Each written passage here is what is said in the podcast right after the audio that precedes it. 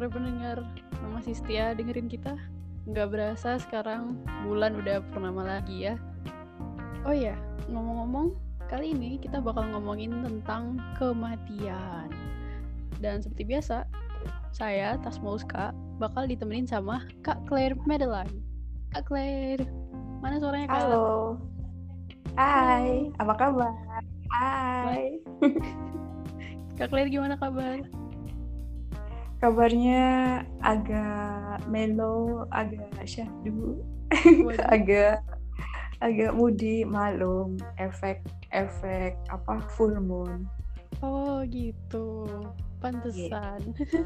Kalau bulan purnama itu ada banyak mempengaruhi ke emosinya manusia karena bulan purnama itu biasanya membuat gejolak emosi itu berkecamuk gitu dan uh, biasanya kalau di laut itu airnya pasang gitu terus jadinya kayak banyak Iya. gejolak gitu. kalau di manusia efeknya tuh ke emosi gitu jadi itu Oh. kenapa ada banyak kecelakaan di jalan karena orangnya yang mengemudikan itu uring-uringan atau rasanya tuh kemrungsung kemrungsung itu bahasa Terburu-buru. Perancisnya apa tuh terburu-buru atau ya semacamnya itu efek efek dari dari bulan purnama gitu Oh, makanya saya. kalau iya kalau pas bulan purnama itu usahakan bisa mengontrol emosi karena emosi itu lagi di ibaratnya diobok-obok gitu Hmm, Gitu. gitu. iya Oke, semoga dengan belum. kita nge-podcast malam ini mood Kak Claire balik lagi. semoga tapi obrolannya juga kematian Aduh. Oke, Oke, siap Kak. Langsung ke pertanyaan pertama deh. ayo kita gas apa Kak tuh Claire. Definisi kematian menurut Kak Claire. kematian wow kematian sebenarnya hmm, pada saat kita terlahir kita juga harus siap mati tapi eh, semua yang hidup pasti harus mengalami mati itu pasti itu ilmu kepastian jadi dalam hidup ini em, semuanya itu penuh dengan ketidakpastian hanya satu yang pasti yaitu kematian dan sebenarnya kematian bagi saya itu adalah berpisahnya roh dengan jasad atau dengan badan wadak ini. Jadi sebenarnya mati itu tidak benar-benar mati. Yang mati itu hanya badan wadak ini atau physical body itself gitu. Jadi kita tetap hidup tapi dalam dalam wujud yang lain gitu. Jadi ibaratnya kayak Einstein pernah berkata, energi itu tidak bisa dihancurkan. Eh, dia hanya dia hanya berubah bentuk begitu.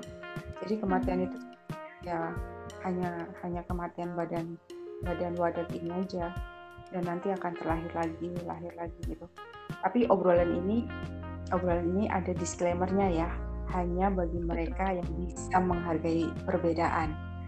Oke, karena ada Oke. ada ya mungkin kepercayaan yang tidak percaya reinkarnasi atau apa. Jadi kita ini obrolannya obrolan universal. Oke. Jadi ya Oke, siap Kak. semoga ya apa ya bisa saling membuka membuka tabir atau saling membuka pandangan akan kematian itu sendiri. Itu aja sih. Kematian itu begitu. Tidak ada yang benar mati sebenarnya. Hanya Oh, hanya Cuma pindah wadah ya Kak. ya kematian badan fisik ini aja. Hmm. Kalau orang mati itu sebenarnya dia sadar nggak sih Kak kalau dia udah mati? Jadi sebenarnya orang mati itu kebanyakan mereka nggak sadar, kebanyakan mereka nggak sadar kalau mereka sudah mati gitu. Tetapi biasanya 40 hari sebelumnya mereka itu sudah merasakan sesuatu yang janggal atau aneh.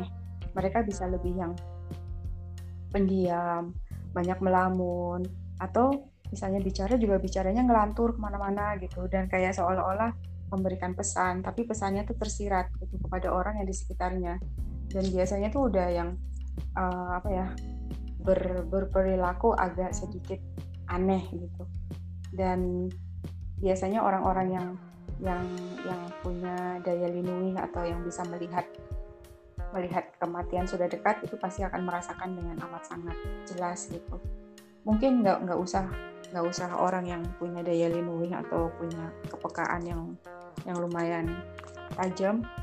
Keluarga yang dekat pun bisa merasakan kalau oh ini kayaknya udah mau berpulang nih. Meskipun bukan keadaan sakit bisa juga dirasakan soalnya agak berbeda gitu. Kayak dan ada biasanya firasat gitu ya pak? Firasat ya firasat dan juga setelah setelah kematian itu sendiri biasanya 40 hari setelah kematian juga si arwah atau beliau yang sudah meninggal itu masih berada di sekitaran di sekitaran uh, tempat tinggalnya atau masih berada di sekitaran keluarganya karena dia belum sadar kalau dia itu meninggal sudah meninggal. Itu makanya pentingnya doa ada ada 40 hari dan 100 hari dan seterusnya seterusnya seterusnya. Itu sebenarnya untuk membantu roh untuk untuk uh, me, apa ya me, membantu supaya pergi ke tempat yang lebih baik itu untuk mengantarkan ibaratnya untuk mengantarkan dan kayak mengingat mengingatkan bagi yang sudah meninggal kalau ya sudah sudah meninggal gitu berpulanglah gitu dengan oh, iya. damai hmm. gitu Uh, kalau misalkan yang orang yang udah mati itu dia ngerasa sesuatu nggak sih kak? Orang yang sudah mati merasakan sesuatu maksudnya gimana? Maksudnya kayak hmm, apa yang mereka rasakan itu kayak dari segi emosional gitu. Kayak mungkin bingung atau sedih atau gimana. Pasti pasti. Pada saat kematian itu datang juga itu kan saat-saat yang ibaratnya kayak menakutkan membingungkan dan dan itu pentingnya orang yang di sekitarnya itu jika menyaksikan kondisi seseorang yang akan meninggal itu penting sekali untuk menenangkan. Menenangkan di sini bisa dihantarkan dengan doa atau atau di apa ya ibaratnya dituntun. Dituntun dengan apa pun kepercayaannya ya dituntun supaya supaya rohnya itu tenang pada saat keluar dari badan. Karena itu bisa menjadi momen yang sangat membingungkan atau mengerikan atau menakutkan bagi bagi si orang tersebut yang akan meninggalkan uh, jasadnya atau dunia ini. Masih ya. kayak mimpi gitu ya kak rasanya?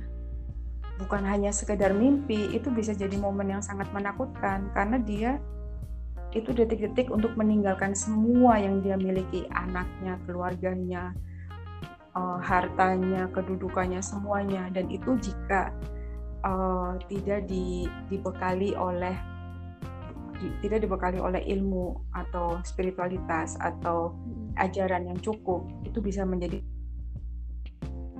jadi itu penting bekal untuk kematian kita meng, me, menyambut kematian kita masing-masing. Itu penting sekali. Jadi pentingnya belajar uh, menerima kematian atau melepaskan segala yang kita miliki itu penting sekali selama masih kita hidup semasa masih kita hidup kita harus belajar melepaskan karena kematian itu bisa datang kapan aja, di mana aja, umur berapapun kita bisa meninggal mungkin saat ini yeah. setelah mungkin setelah saya podcast saya meninggal bisa jadi begitu no.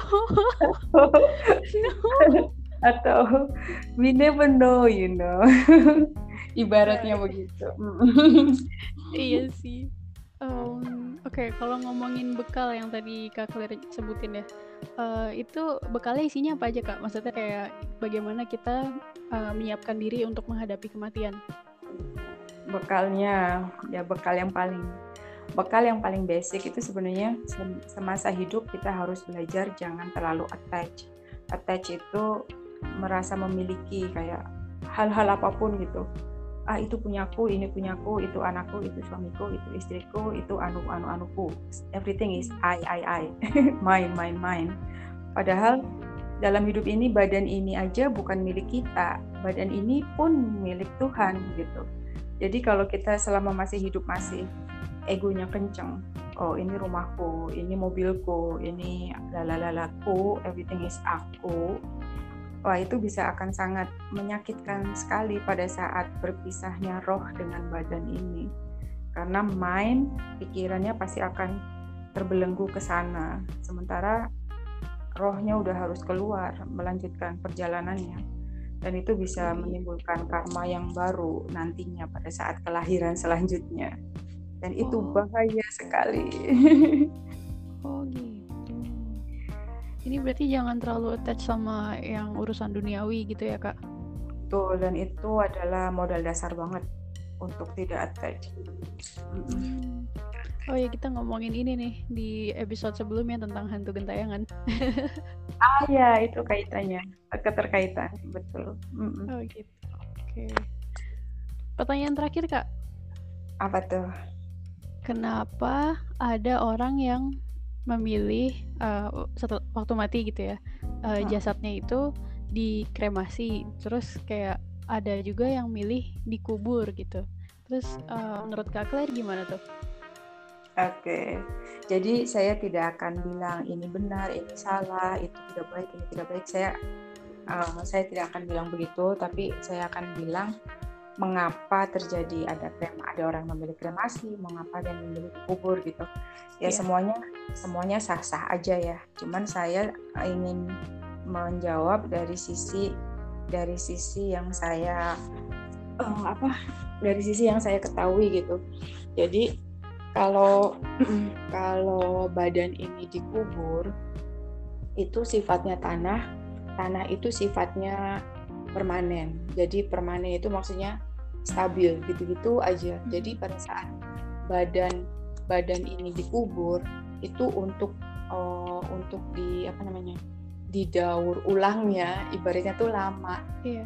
emang emang sih secara secara badan ini akan kembali lagi jadi tanah segala macam tapi di sana itu ada mind mind atau pikiran ini ada ada namanya silver cord nah silver cord ini pada saat uh, seseorang di dikubur itu kemungkinan kecilnya terputus itu kecil sekali sehingga orang yang sudah meninggal itu uh, lebih banyak kemungkinannya untuk masih terikat sama duniawi. Jadi dia masih yang mondar mandir gitu dan belum benar-benar terputus dengan urusan duniawi. Meskipun toh yang dikremasi juga bisa aja masih terikat atau masih juga bolak-balik dengan duniawi, tapi tidak sekenceng dengan yang dikremasi. Mengapa? Karena sifatnya api kan pada saat badan di di apa dikremasi atau di apa sih bahasa ini? Hmm. Ngaben. Di... Oh.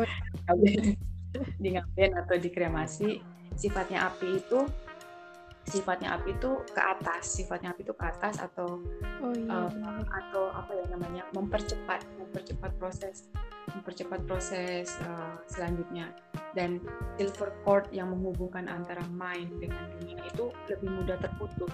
Sebenarnya lebih mudah terputus antara si roh itu dengan badan dia sendiri. Jadi dia nggak nggak nggak bisa bolak balik seenaknya. Dia nggak bisa lagi terhubung dengan tubuhnya lagi. Jadi jadi uh, kemungkinan untuk memutuskan diri dengan duniawi itu jauh lebih cepat yang dikremasi daripada yang dikubur begitu. Meskipun yang itu juga masih bisa bolak-balik masih bisa. Tapi setidaknya dia tidak terikat dengan badannya sendiri gitu. Jadi lebih cepat ya kak? Betul. Okay. gitu sih. Mau pilih mana nih? Mau Dulu kali ya.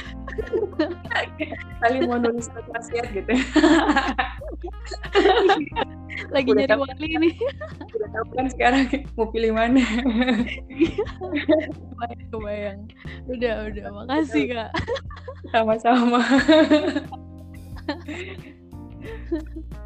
Oke, Kak. Uh, gitu aja deh buat malam ini. Oke, terima kasih. Iya, makasih banyak ya, Kak. Sama-sama. Banyak para pendengar. Terima kasih pendengar. Dah. Dadah.